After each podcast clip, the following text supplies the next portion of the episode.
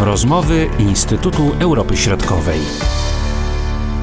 Otrucie Nawalnego to działanie mające na celu dalsze osłabienie rosyjskiej opozycji. Niewykluczone także, że to obawa przed przygotowywanym przez niego opracowaniem, w którym miał ukazać skalę korupcji jednej Rosji, partii prezydenta Władimira Putina.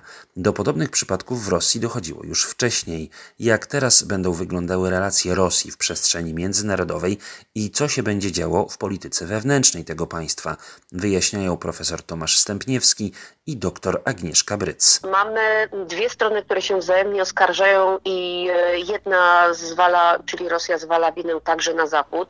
Czyli fakt bezsporny, Nawalny jest otruty.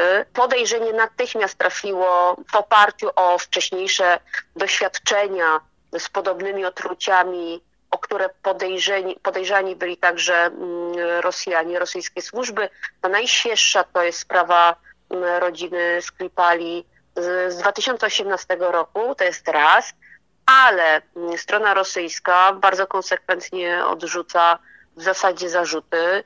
Co więcej, nie tyle odrzuca, mówi, że nie ma po pierwsze podstaw do oskarżenia Rosji, do tego, żeby w ogóle mówić o jakichkolwiek konsekwencjach obciążających Rosję, a po drugie mówi, że to jest prowokacja ze strony Zachodu, ponieważ w ocenie Rosji także Zachód badał i bada różne substancje właśnie z grupy Nowiczok, więc Rosjanie upowszechniają tezę taką, że to Zachód otruł Nawalnego tylko po to, żeby po pierwsze osłabić Rosję, bo słaba Rosja jest w interesie Zachodu i po drugie na tyle ją ograniczyć, by nie mogła na przykład okazywać pomocy w sytuacji kryzysowej sąsiedniej Białorusi. Nawalny został otruty, to okazuje się, tak jak Rosja mówi, że to prowokacja Zachodu i następnie ta sama Rosja wysyła y, chorego Nawalnego na Zachód. Nie ma tutaj jakiejś logiki. Nie to, że się nie klei, ale Rosja przecież przetrzymała kilka dni Nawalnego w szpitalu. Kiedy pojawił się tuż po przewiezieniu go z lotniska, to przecież cały szpital pełen był nie tyle samych lekarzy i obsługi, co natychmiast pojawiły się tam rosyjskie służby więc to sugeruje, że organy państwa pilnowały, aby za dużo informacji, czy za dużo dowodów, czy w ogóle dowody nie wyciekły na zewnątrz. To jest bardzo podejrzane. Rosjanie zdecydowali się wysłać Nawalnego do Niemiec, bo gdyby tego nie zrobili, to byłoby takie podwójne przyznanie się do winy. Nie dość, że prawda, otruto, a Rosjanie mają zwyczaj podtruwać swoich oponentów, a po drugie jeszcze nie pozwolili wyjechać Nawalnemu, to mogłoby spowodować duże napięcia polityczne, y, może nawet większe niż mamy, niż z którymi mamy do czynienia dzisiaj. No właśnie, jak ta sytuacja odbije się na relacjach pomiędzy Rosją a państwami zachodnimi? Unia Europejska jest na mm, pozycji wyczekującej, ponieważ y, y, przygląda się uważnie rozwojom wydarzeń, jeśli chodzi o samo, samo leczenie Nawalnego. W tym momencie mamy do czynienia z wysyłaniem sygnałów ze strony poszczególnych państw członkowskich Unii Europejskiej, jak również ze strony NATO, o tym, że te pa państwa zachodnie e, żądają przeprowadzenia śledztwa w tej sprawie, wyjaśnień, tylko że ze strony Rosji mamy odpowiedź, że to nie jest jak gdyby sprawa rosyjska, ponieważ nie mamy do czynienia z otruciem Nawalnego, lecz jest to sytuacja jakaś e, bardziej skomplikowana i, i uważają Rosjanie, że, że, nie, że nie została użyta żadna substancja, lecz jakieś problemy wewnętrzne z organizmem e, Nawalnego i tak dalej. Więc to jest jak gdyby stała argumentacja. Natomiast z drugiej strony e, to, o czym wspominała doktor e, Agnieszka Bryc, że jest w pewien sposób na rękę Rosji to, że Nawalny w tym momencie znajduje się poza Rosją, ponieważ cały proces jego leczenia spada w pewien sposób na stronę niemiecką. Generalnie Rosjanie cały czas podkreślają, że są gotowi do współpracy i do przeprowadzenia śledztwa, jeżeli rzeczywiście będziemy mieli do czynienia z otruciem, y, z państwami zachodnimi, w tym również z państwami członkowskimi NATO. Niewątpliwie y, ta sytuacja osłabia działania opozycji y, wewnątrz rosyjskiej i osłabia pozycję Rosji, bez względu na to, czy Rosja tego chce, czy nie, na arenie międzynarodowej. O, owszem, osłabia, ponieważ od dłuższego czasu mieliśmy do czynienia z takim ja to często nazywam pełzającym resetem, czyli e, z jednej strony taką oficjalną e, postawą dystansu wobec Rosji, podkreślenia tego, że raz naruszone czy zniszczone zaufanie po 2014 roku jest nie do odbudowania, a z drugiej strony mm, na przykład pojawiały się w mediach, zwłaszcza amerykańskich, ja już nie mówię europejskich, ale przede wszystkim amerykańskich, bo to stamtąd wyjdzie y, czy wychodzi reset, pokazujący absolutną potrzebę, interes amerykański w tym, aby rozmawiać z Rosją taką, jaka ona jest.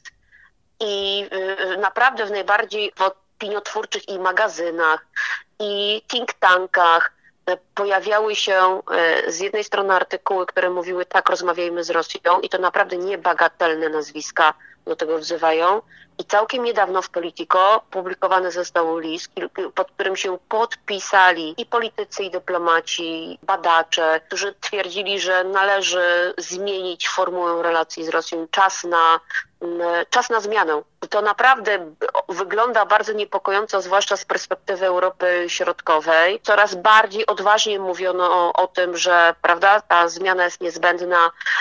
Nie może ona ma przypominać e, reset Obamy i Miedwiediewa, ale to ma być e, zmiana, powiedzmy, jakościowa w relacjach e, Rosji i Zachodu. Mam wrażenie, że e, sprawa Nawalnego de facto nie był problem międzynarodowy dla Rosji, to była pewna kalkulacja, ponieważ ważniejsze dla prezydenta Putina i jego otoczenia jest to, co dzieje się w kraju i to, jakie ryzyka dla jego władzy i dla jego kontynuacji władzy właśnie wynikają z polityki krajowej. Już 13 września odbędą się lokalne wybory, a y, za rok będą wybory do Dumy. A sam Nawalny swoją działalnością antykorupcyjną, przez Zachód nazywany słusznie głównym opozycjonistą y, Rosji czy głównym konkurentem Putina, sam z siebie nie jest olbrzymim zagrożeniem dla władz, natomiast jest tą iskrą, która w bardzo dzisiaj niebezpiecznych dla e, reżimu, czy dla, dla władzy na Kremlu sytuacji, czyli narastającej frustracji w wyniku sytuacji trudnej gospodarczej, w wyniku ciągle trwających protestów, nie tylko w Chabarowsku. To był moment, to była decyzja e, e, raczej taka strategiczna, czyli usunięcia, wyeliminowania czy wyciszenia Nawalnego, tylko po to, żeby jego materiał, który miał się przecież ukazać, znaczy on nad którym pracował będąc na Syberii, który miał, jak to mówią władze Rosjanie, to miały być kompromaty na jedną Rosję, czyli partię rządzącą. E, to wszystko mogło w perspektywie, e, w dosyć taki prawdopodobny sposób, doprowadzić do tego, że to, o czym mówię, czyli ta iskra, którą był Nawalny, mogłaby. Ruszyć to domino, prawda? Tak jest. Tak, tak jest. czyli ten kontekst wewnętrzny. Tak, zdecydowanie. I tutaj warto podkreślić, że sam Nawalny i jego gdyby osoba jest bardziej y, popularny w, na Zachodzie, czyli o wiele większą wagę do jego wystąpień przywiązuje się na Zachodzie niż w samej Rosji. Natomiast to, o czym wspominała doktor Agnieszka Bryc, że ten materiał, który przygotowywał i miał on w pewien sposób skompromitować czołowych polityków jednej Rosji, y, to się w pewien sposób zbiegł zbiegło z tym, z otruciem, do którego Rosja się nie przyznaje. Natomiast y, generalnie tam również zaangażowanie Nawalnego w protesty, powiedziałbym nawet na Białorusi, czy też y, ta strategia wystawiania y, kandydatów, którzy rywalizują z kandydatami jednej Rosji i w pewien sposób zbierają największe poparcie w różnych regionach Federacji Rosyjskiej, to, to w pewien sposób przyczyniało się do tego, że, że on rzeczywiście skutecznie przeciwstawiał się y, reżimowi Putina. Natomiast y, bardziej y, należy tutaj przywiązywać, znaczy łączyć ten fakt z tym, że chciał on udowodnić właśnie te dokumenty, które miały w pewien sposób postawić w bardzo złym świetle jedną Rosję, a zbliżają się wybory we wrześniu, dlatego też to było bardzo istotne. No i też bardzo istotna kwestia to jest wysłanie sygnału, takiego sygnału psychologicznego do Y, wszelkiego rodzaju opozycjonistów, żeby w pewien sposób mieli się na baczności ze względu na to, że reżim, pomimo, że niektórzy uważają, że nie trzyma się zbyt mocno, nadal kontroluje sytuację w Federacji Rosyjskiej. Kwestia y, jeszcze informacji od Aleksandra Łukaszenki, który twierdzi, że podsłuchano, służby białoruskie podsłuchały rozmowę pomiędzy Warszawą a Berlinem, że ta sprawa Nawalnego jest y, oszustwem. Ja mam wrażenie, że prezydent Łukaszenko mm, zaczyna spłacać swój mm, dług prezydentowi Putinowi, prawda? Bo my wiemy, że jemu bardzo zależy na tym, aby Rosjanie bardzo skutecznie mm, utrzymali go przy władzy, żeby pomogli wygasić protesty, stłumić je. Taka pomoc okazana w naprawdę w trudnym momencie dla, y, dla Kremla może się okazać nieoceniona. Rzecz w tym, że Łukaszenko po zażądaniu przez rząd Niemiec y, wytłumaczenia sprawy czy kontekstu Nawalnego, Rosjanie naprawdę, oni zareagowali dosyć tak, powiedziałabym, wyczekująco, ale próbowali przyciągać w czasie, przyciągać w czasie tą swoją reakcję, najpierw odrzucając prawda, ustami swojego rzecznika kremlowskiego Pieskowa, który powiedział, że sprawy jeszcze nie ma, Rosja formalnie nie jest poinformowana, więc nie ma o czym mówić.